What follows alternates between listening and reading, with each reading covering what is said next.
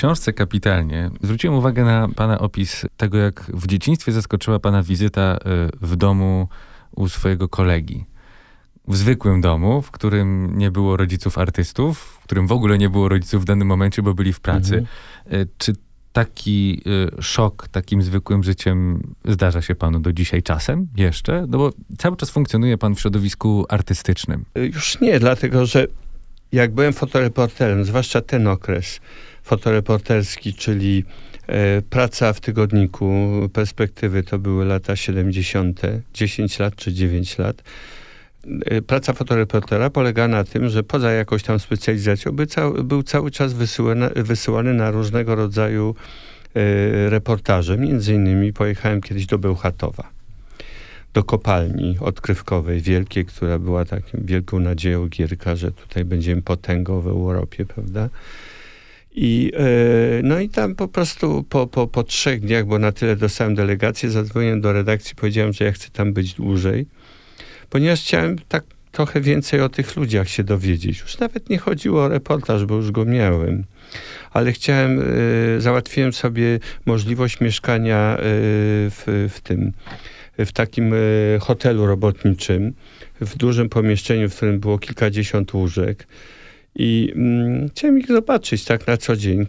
Wiedziałem, że to są ludzie z całej Polski. Zjeżdżają się po to, żeby zarobić trochę więcej pieniędzy, bo, bo rzeczywiście mm, y, miejscowych ludzi tam, y, miejscowej siły były za, było za mało. I ja poznawałem tych ludzi z bardzo różnej strony, to znaczy, bo, bo każdy człowiek jest inny, ale pamiętam takie wydarzenie właśnie z tego pobytu w tym hotelu robotniczym, że w nocy obudziła mnie mm, jakiś taki hałas. Ten hałas się okazał muzyką Chopina.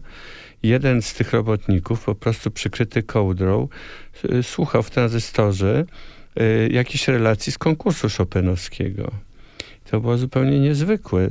Zupełnie inaczej popatrzyłem wtedy poprzez tego człowieka na część tych ludzi, którzy zjechali z całej Polski.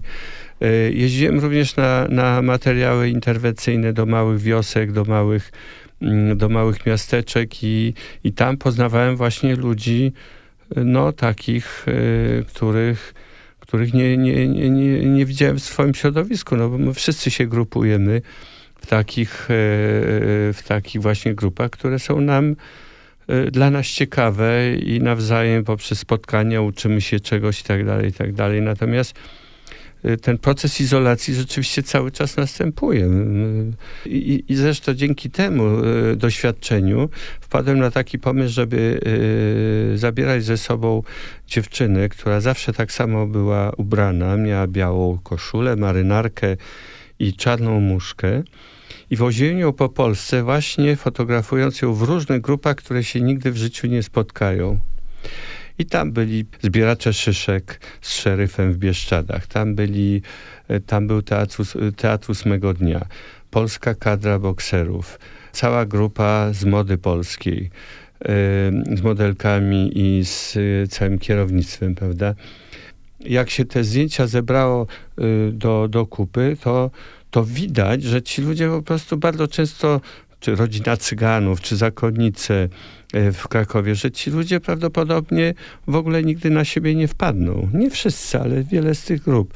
Jedynym elementem, który to łączył, to była właśnie ta, ta dziewczyna w muszce, ale ona ich łączyła w tym, na tej wystawie, a potem w wydawnictwie.